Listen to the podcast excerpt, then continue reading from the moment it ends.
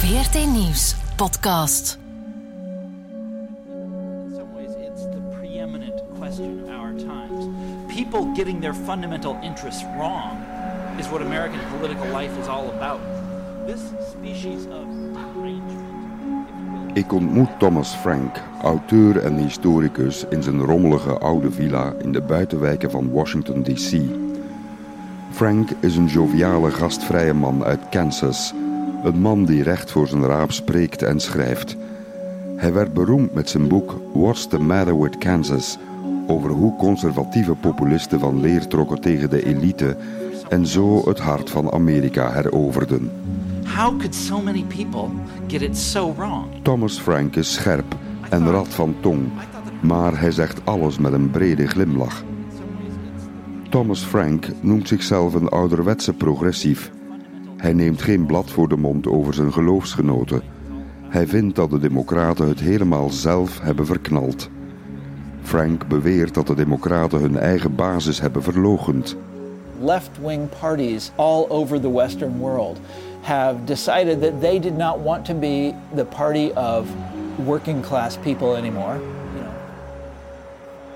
Ik interviewde hem in zijn huis in Bethesda in het voorjaar van 2019, aan de vooravond van de derde State of the Union van Donald Trump, na de langste shutdown uit de geschiedenis.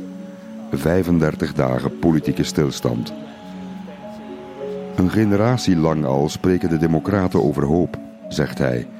Maar ze beknotten hun kiezers door te zeggen dat je politiek realistisch moet zijn en niet te veel ineens mag willen.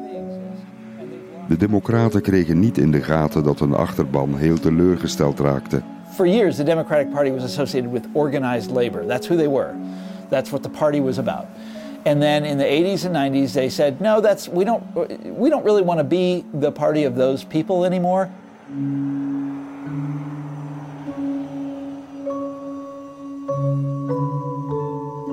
Frank. De meeste mensen werd voorgespiegeld dat het uitstekend ging met Amerika.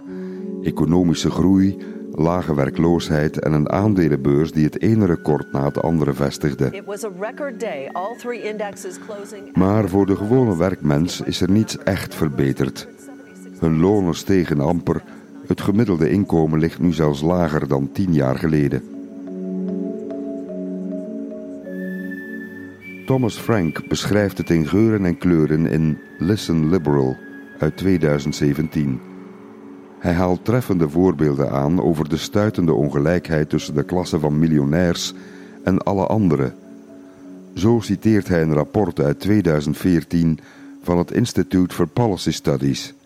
Daaruit blijkt dat het totale bedrag van alle bonussen op Wall Street meer dan dubbel zo groot is als alles wat op één jaar tijd verdiend wordt door de miljoenen Amerikanen met een minimumloon. Can a very rich person ever understand a very poor person's problems? Actually, the people I resonate best with are poor people and people that are really blue collar. De familie Walton, de eigenaars van supermarktketen Walmart, bezit evenveel rijkdom als de 40% armste Amerikanen samen. Je hoofd gaat ervan duizelen als je die cijfers laat doordringen. Toen kwam Obama, een superheld die alles zou veranderen. There are too many Americans who are hurting right now for us to just sit by and do nothing. Now is the time to act. Now is the time to say, yes, we can. Hoop. Het was het perfecte moment voor een transformatie van Amerika, zegt Frank. In de praktijk gebeurde er nagenoeg niets. Obama redde een bankroet financieel systeem en gaf daarmee het signaal dat de werkmens het maar zelf moest zien te beredderen. Obama zei dat het land al fantastisch was. Die misrekening leidde tot de opkomst van Donald Trump. Ooit was het anders. De Democraten waren heel lang de partij van de gewone man, de little guy. Vanaf midden jaren 30 tot midden jaren 90 van de vorige eeuw kregen ze stevast de meerderheid in het Huis van Afgevaardigden. De Democraten waren de partij van het volk. Vandaag is de progressieve volkspartij van toen veranderd in een partij van technocraten, stedelingen en vooral meritocraten. Mensen die flink hun boterham verdienen na dure studies aan de universiteit. Mensen die zich hebben opgewerkt door hard studeren en veel werken. De Democraten omarmen Silicon Valley en Wall Street. Deze meritocraten noemen zich de vernieuwers, de creatieve klasse. You can find them in uh, every big city, and they tend to be very affluent. And they've lost touch with why they exist, and they've lost touch with what we call in America their base, the people who make up the rank and file of the party. They have turned their backs on those people. Meritocratie, zegt Frank, gaat over winnaars en over de kans voor iedereen om een winnaar te worden. Maar daar moet je wel wat voor doen. Daar zit hem de knoop. De partij van professionals geeft volgens criticus Frank eigenlijk geen zier om de groeiende ongelijkheid. And this is what is so depressing to me about the Democratic Party. Not only have they frittered away chance after chance after chance to reverse this drive towards inequality that we've been on in this country for 30 or 40 years. Ja, ja, de Democraten zijn uiterst vooruitstrevend over burgerrechten, homohuwelijk, vrouwenemancipatie, seksuele vrijheid en het recht op abortus. Maar als het gaat over vakbonden en de verdeling van de rijkdom, zijn de meesten een pak minder progressief. Ze gedragen zich zelfs ronduit conservatief. Eigenlijk vinden ze dat ongelijkheid een deel is van het systeem. Ongelijkheid ontstaat in hun hoofden omdat je harde werkers hebt en de rest die minder hard studeert of werkt en dus alle onheil integraal aan zichzelf te danken heeft. Succes verdient een beloning, vinden ze. De toppers zijn toppers omdat ze dat zelf hebben gedaan. In een meritocratie bestaat geen solidariteit, schrijft Thomas Frank. Vakbonden symboliseren voor deze mensen een gebrek aan status. De vakbond contrasteert met de ideologie van individuele uitmuntendheid. Vakbonden zijn er voor losers, voor de mensen die nagelaten hebben de juiste vaardigheden te leren. Deze democraten zeggen dus voortdurend: als je uit de armoede wilt, ga dan langer naar school. Ongelijkheid is geen systeemfout, het is een fout van het individu. We're in Washington right now, Washington, D.C. People in a city like this can just ignore what is happening in the rest of the country and pretend that it doesn't matter to them.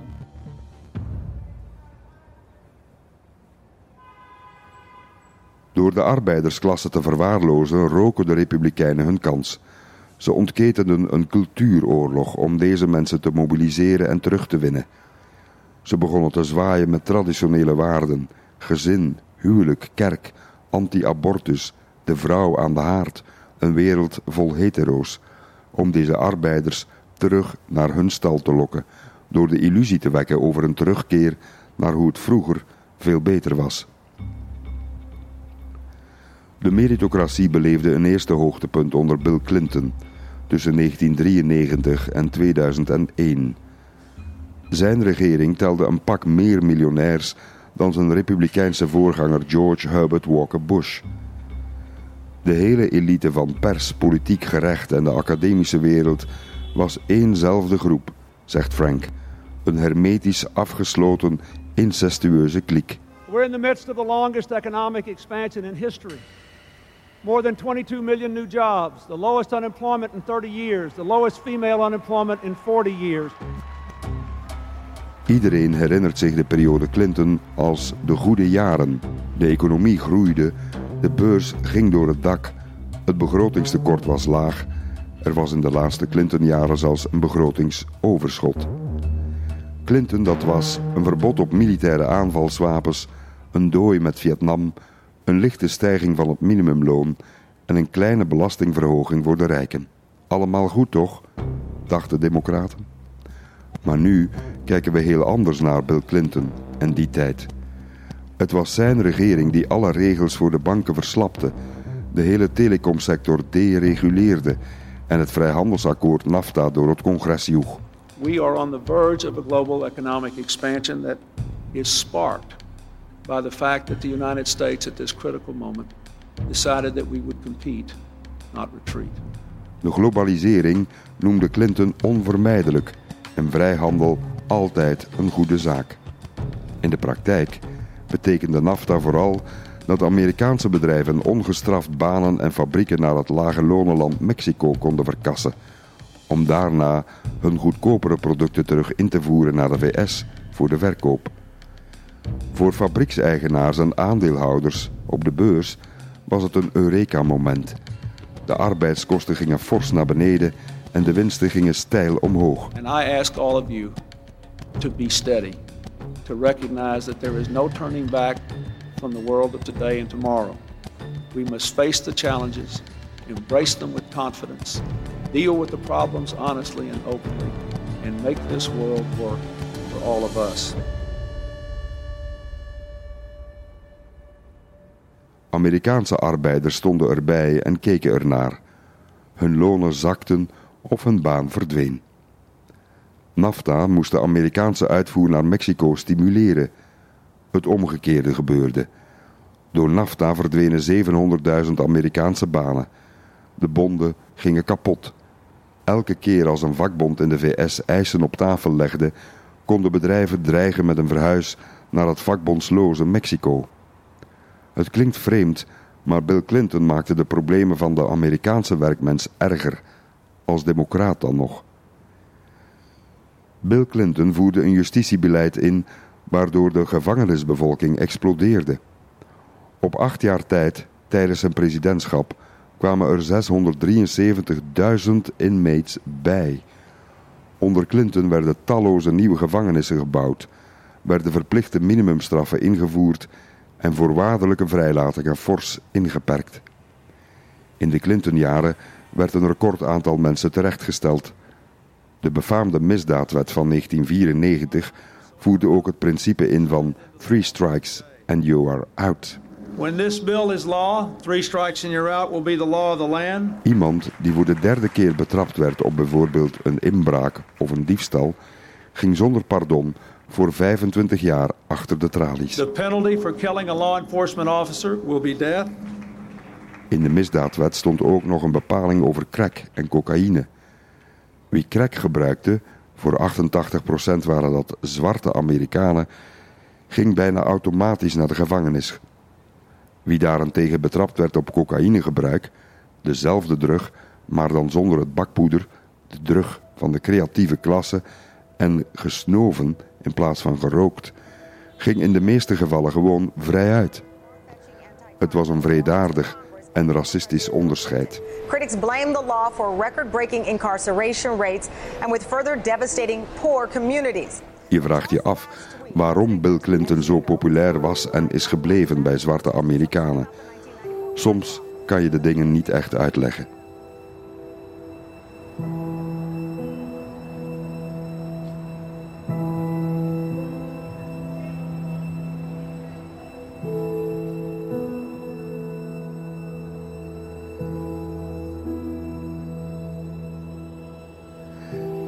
1996 hervormde Clinton ook de bijstandswet. Het aantal uitkeringen daalde er fors door en veel bijstand werd overgedragen van de federale overheid naar de staten. In de praktijk betekende dat voor mensen dat ze veel sneller uit de bijstand werden gegooid. A drumbeat of media attention had convinced many Americans that people on welfare were either cheats. With wigs and disguises, she conned welfare workers into believing she was 12 different people. Or loafers. Some people on welfare make more money than people that are working. Why should we have to pay for you to sit at home? Watch your soap operas. The number of Americans receiving cash benefits had hit a record 14 million and Republicans wanted radical change. They create a culture of poverty and a culture of violence which is destructive of this civilization. So, how did a Democrat become the one to do away with this once sacred entitlement? Today we are ending welfare as we know it. Het is een feit. De extreme armoede onder Bill Clinton nam toe. Clinton ondertekende wetten die banken de kans gaven om andere kleine banken makkelijker op te slokken. De toenmalige president verlaagde ook de belasting op kapitaalswinsten. De miljonairs juichten. Kleine banken verdwenen en je zag de reuzen verschijnen: Citibank, Chase, Wells Fargo en Bank of America.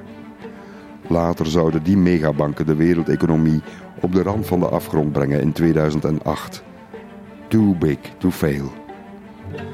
U moet weten, kleine banken gedroegen zich als goede huisvaders en waren erg voorzichtig in het toekennen van leningen. Ze kenden ook al hun klanten. De grote banken waren zo groot dat ze een creatieve oplossing bedachten voor de manier waarop ze leningen van slechte kredietnemers konden verpakken en doorverkopen als een hoogrentend beleggingsproduct. Dat risicovolle bankieren deed het financiële systeem dansen op de vulkaan en zorgde voor de grote recessie van 2008. Clintons financiële beleid, nog versterkt door zijn opvolger George W. Bush, was een catastrofe.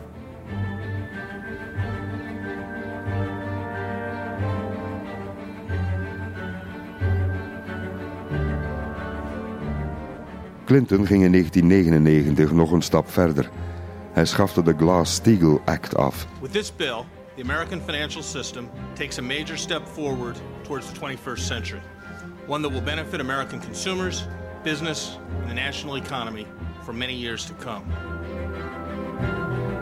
Die wet bestond al sinds 1933, tijdens de Grote Depressie, en scheidde de handelsbanken voor particulieren van de investeringsbanken met veel risicokapitaal. Zo kon geld waarmee werd gespeculeerd de spaarcenten van de gewone man niet doen verdampen. Er stond een scheidingsmuur tussen. Clinton haalde die veiligheidsklep weg. Quote, This is horrible legislation, end quote, says bank analyst Lawrence Cohn at Ryan Beck and Company. Quote, It creates a huge potential obligation for U.S. taxpayers, end quote. How's that? Cohn told reporters the new bill would encourage concentration of financial power in a few hands, any of which could topple the system if it failed, forcing a government bailout.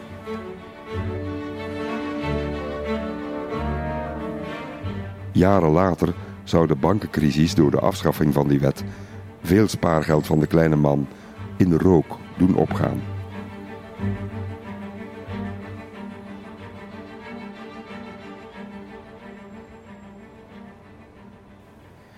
Veel van wat president Clinton deed op economisch vlak leidde uiteindelijk tot een ramp. Maar in zijn tijd juichte iedereen zijn initiatieven toe. Zijn partij noemde zichzelf voortaan de Nieuwe Democraten. Tony Blair deed in het Verenigd Koninkrijk hetzelfde met New Labour, exit vakbonden. Ook het kiespubliek werd gemoderniseerd, de totale triomf van de meritocratie. In zijn economisch beleid was Clinton veel republikeinser dan de republikeinen zelf. Maar Baba was populair en hij onderhield uitstekende banden met zijn internationale buddies zoals Bono of Nelson Mandela. Iedereen werd intussen aangemoedigd om zelf zijn lot in handen te nemen en ondernemer te worden. Dit was de nieuwe economie, de creatieve economie van de start-ups. Iedereen freelancer voor ongeveer altijd. In de VS noemen ze deze mensen niet onterecht permalancers. Permanente freelancers. Permalancer.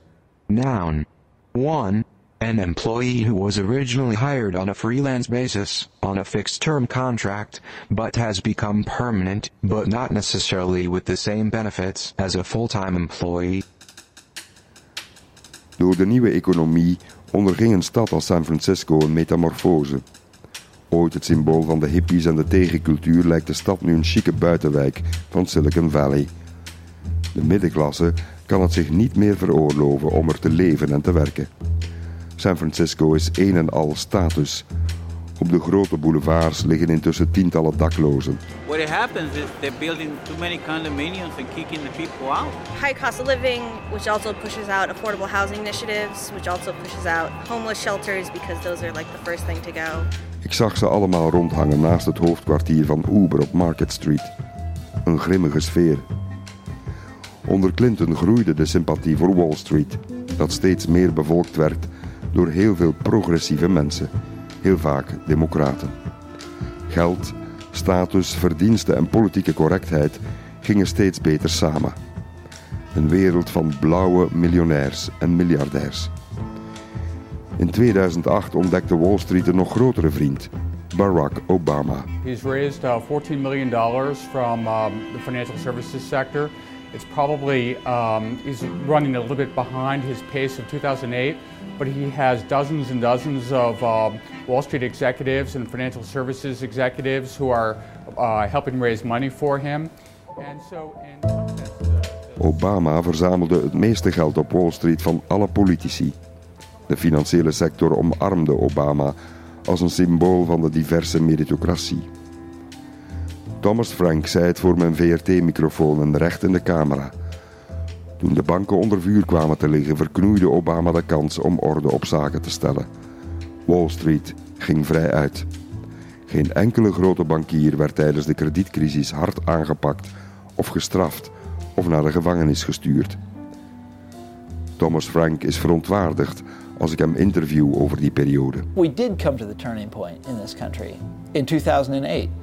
We, we were there. The Wall Street had discredited itself. The bubble had burst. Conservative, the sort of neoliberal policymaking had fallen flat on its face. Banken werden gered, kregen miljarden dollars en min of meer een waarborg tegen het bankroet, gefinancierd door alle belastingbetalers. Thomas Frank zegt: De megabanken zijn nu nog groter dan voor de crisis uitbrak. Aandelenhandelaren verdienen als voorheen superlonen, een gemiddelde van 450.000 dollar per jaar. We elected uh, Barack Obama, who seemed like exactly the right man for the moment. He's you know, really smart, really articulate. He seems to understand what went wrong. He appoints the smartest guys there are to, to sit in his cabinet and help him run the government. And then he does he just continues the policies of the Bush administration. He's just he he cleans Wall Street up, stands them back up and says, "There you go, guys. Here, let's let's do it all over again." Past trade agreements, it's true, didn't always reflect our values or didn't always do enough to protect American workers. Tijdens zijn eerste presidentscampagne stelde Obama het NAFTA-vrijhandelsakkoord aan de kaak. Als president zei hij er niets meer over. Obama wilde een wet die het makkelijker zou maken voor werknemers om collectief te onderhandelen met hun directie of management. Na intens gelobby van Walmart en de Amerikaanse Kamer van Koophandel is er van die voorgestelde wet nooit meer iets in huis gekomen. Obama nam de baas van Google, Eric Schmidt, op in zijn adviesraad voor economie. Hij werkte samen met Google en Facebook om twijfelende kiezers te vinden en te bewerken via sociale media. Beïnvloeding van sociale media door de Trump-campagne? Absoluut. Maar dus ook al bij Obama. Maar toen zonder Russische trollenfabrieken en zonder publieke verontwaardiging. Obama was een groot voorstander van het TPP-verdrag met de landen van de Stille Oceaan. De president noemde de tegenstanders van het vrijhandelsakkoord conservatief en tegen de vooruitgang. They're just wrong. And, and here's why. First of all, they say that this trade agreement will cost American jobs, and they're really basing this on some past experience looking at what happened in the 90s, over the last 20 years, as there was a lot of outsourcing going on. TPP werd later door Donald Trump naar de prullenbak verwezen. De vrijhandelsovereenkomst zou het bijvoorbeeld onmogelijk hebben gemaakt om vrij verkeer te organiseren van goedkope generische geneesmiddelen. De gewone man was kennelijk niet de focus van dit vrijhandelsakkoord.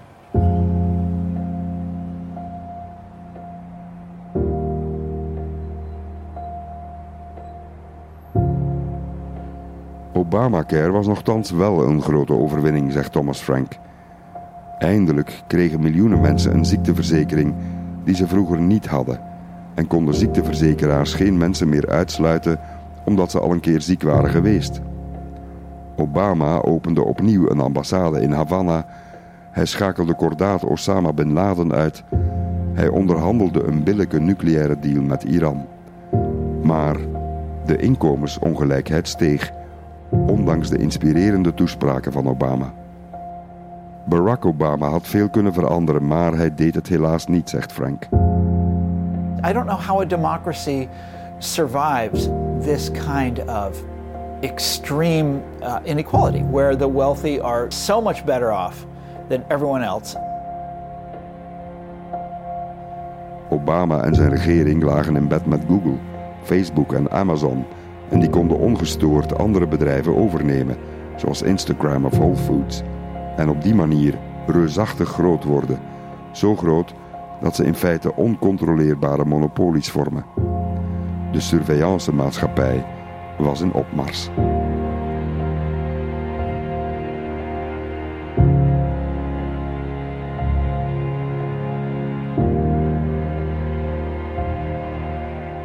Obama's ministerie van Handel deed niets tegen de almaar stijgende medicijnprijzen. Dat had nogthans gekund. Obama ging in 2010 niet krachtig in tegen de Tea Party. De elite ging onder Obama min of meer vrij uit. De president zei, ondanks de gigantische ongelijkheid tussen burgers, dat Amerika al great was. America is already great. America is already strong. Volgens Thomas Frank heeft Obama's milde, hooghartige houding mee bijgedragen tot de oncontroleerbare woede die leidde tot de verkiezing van Donald Trump. We came to the turning point and, and we missed the turn. And instead, a charlatan like Donald Trump was able to come along and pretend to be the real agent of change. Obama's ziekteverzekeringswet kwam ternauwernood door het congres. De president moest veel water in de wijn doen. In ruil voor de steun van de farmabedrijven en hun lobby moest Obama beloven dat er geen veel goedkopere medicijnen uit Canada zouden worden ingevoerd. En zo geschiedde. Ook wat Obama's adviseurs voor of na hun regeringsmandaat uitspookten, wekte soms woede op. Zijn belangrijkste economische raadgever, Larry Summers, was degene die onder Clinton de banken had gedereguleerd. Summers werkte eerder ook voor een hefboomfonds, één dag per week.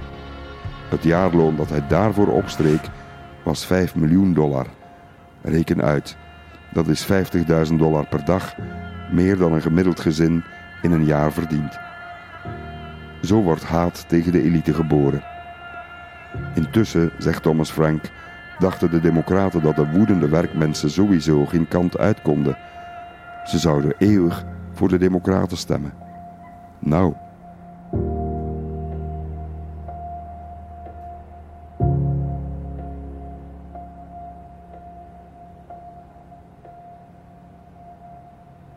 Intussen richt de vernieuwing en innovatie van de economie ravage aan.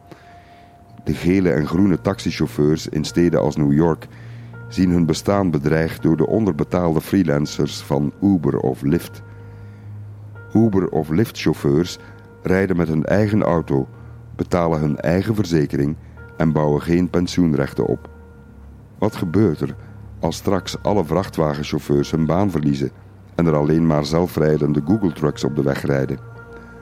Google, dat je afluistert, je hele internetgeschiedenis volgt, alleen maar om je nog meer spullen te kunnen aansmeren.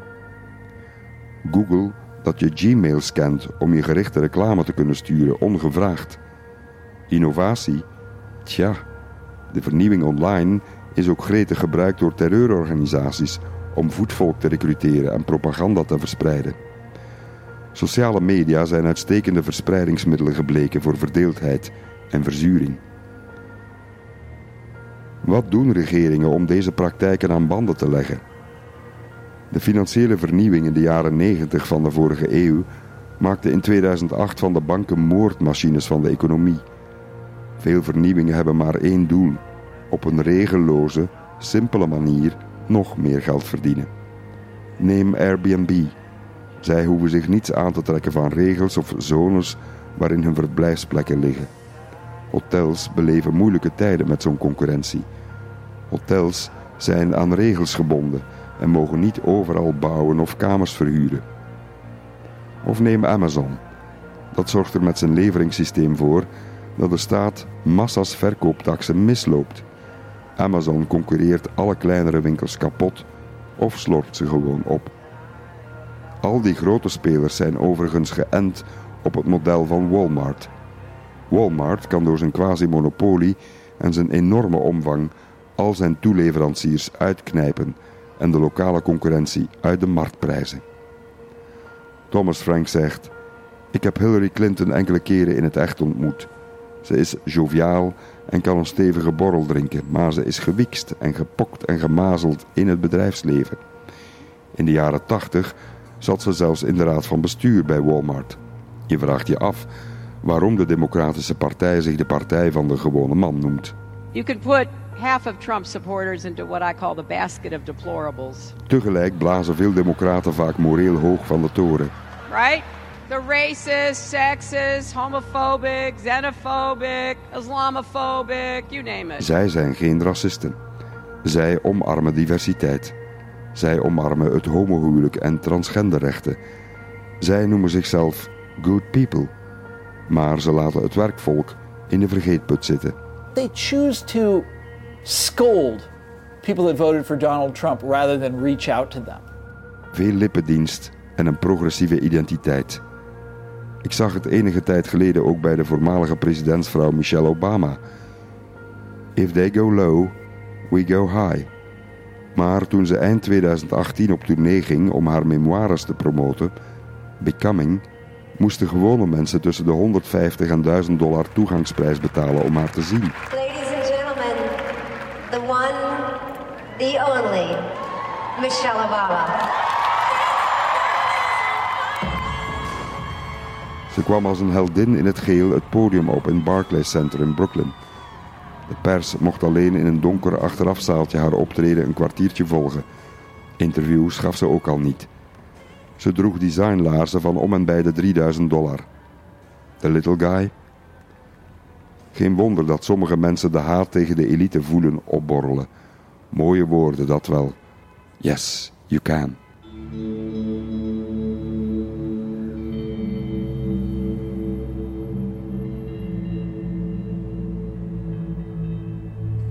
Thomas Frank noemt het bijtend een democratische handel in medeleven. De Angelina Jolie's, de Bono's en de Stings van deze wereld die ons moeten inspireren. Sting woont in een van de duurste flatgebouwen van New York op de Billionaires Row. 100 miljoen dollar voor zijn stulp in Manhattan. Commerce in compassion, yeah. Als de Democratische Partij de ongelijkheid wil bekampen, kijkt ze tegelijk met grote argwaan naar een authentieke stokenbrand als Elizabeth Warren of Bernie Sanders. Politici die het vermolmde systeem willen slopen en heropbouwen. Politici die het status quo willen ontwrichten. De omroep CNBC pakte enkele maanden voor de eerste voorverkiezingen van 2020 uit met een verhaal dat de grote donoren op Wall Street nog liever Donald Trump steunen dan geld te geven aan Elizabeth Warren. Ze gaat ons pijn doen. We steunen nog liever Donald Trump. Quote erat demonstrandum, het dictaat van de portemonnee.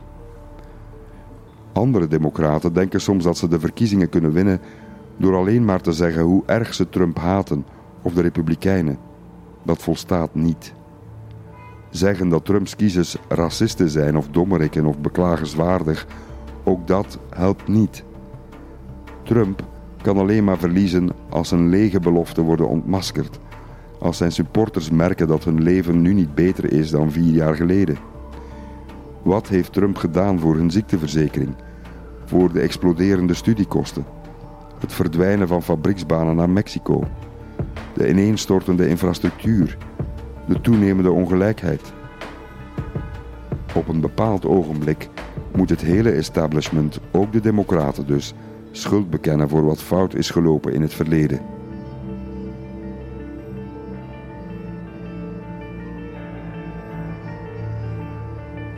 How will America become great again?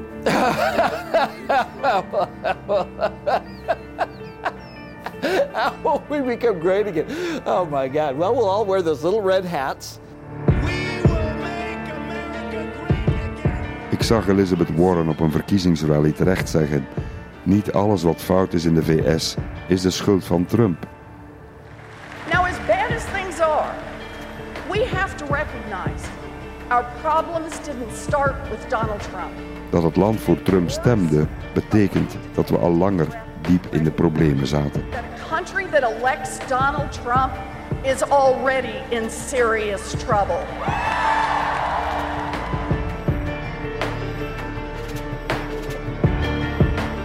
Aanhangers van Trump vormen geen exclusieve club van racisten of homohaters. Het zijn de teleurgestelde slachtoffers van economische ontwrichting waar ze geen controle over hebben. Het establishment moet een keer durven toegeven dat de globalisering en de technologische revolutie voor velen ook achteruitgang betekende. Zolang dat niet gebeurt, zal het wantrouwen in de instellingen blijven groeien en zullen ze blijven stemmen voor een demagoog als Donald Trump. Het is dus een beetje vreemd om in bepaalde kringen een pleidooi te horen voor een terugkeer naar het tijdperk voor Trump. Een terugkeer naar het oude status quo zal heus niet werken. Veranderingen zijn onvermijdelijk geworden. Begin januari 2018 bezocht ik Indianapolis. Ik maakte een reportage over Carrier, een fabrikant van airconditioners. In 2016 kregen de arbeiders daar te horen dat vele honderden banen zouden verhuizen naar Monterrey in Mexico. Er is een beroemd YouTube-filmpje van. Hoe vrijhandel eruit ziet in het echt. Is to move production from our facility in Indianapolis to Monterrey, Mexico.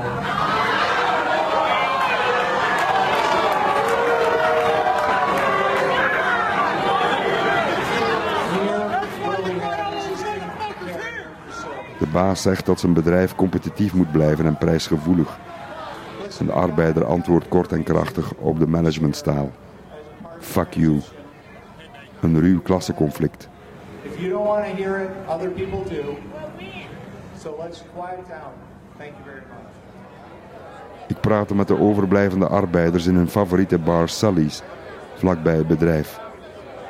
Je kunt niet liegen tegen Amerikaanse arbeiders en ermee wegkomen, zegt Frank Staples tegen mij. We've lost 100,000 jobs in the last year. Manufacturing jobs in the last year. They're talking about putting money into our plant. Trump beloofde dat de banen zouden blijven en gaf Carrier ter compensatie een fix belastingcadeau. All that's going to do is automation. Toen ik er was, verdwenen ondanks de beloftes nog eens 200 banen naar Mexico. So when they start doing that automation, there's going to be more workers that lose their jobs because they're going to bring in machines to replace the people that go in there and bust their ass. De ellende in de fabrieken zal volgens Carrier-arbeider Frank Staples niet stoppen.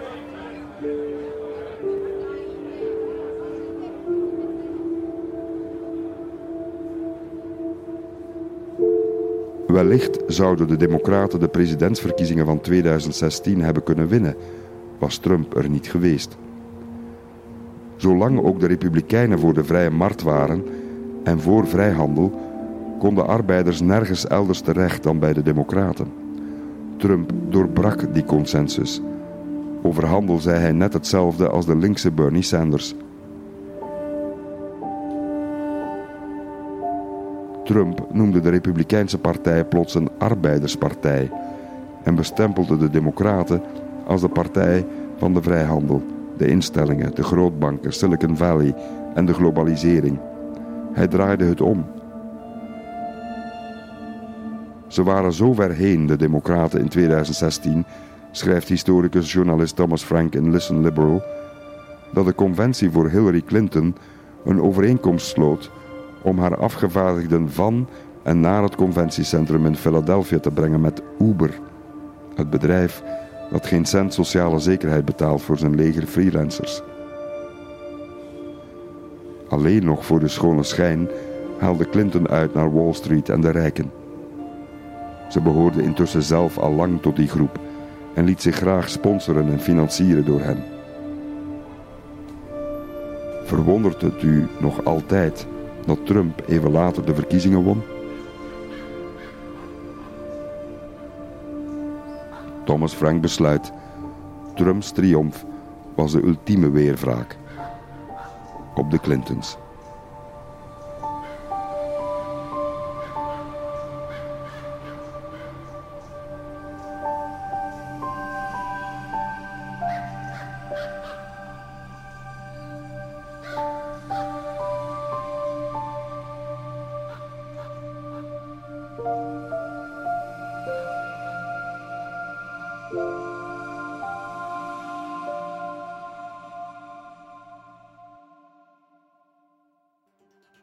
Deze podcast is het werk van onze Amerika-correspondent Björn Soenes en monteur Bjorn van Keer. Dit was een podcast van VRT Nieuws. Je vindt er meer op de podcastpagina van vrtnieuws.be of via de podcast-app op je smartphone.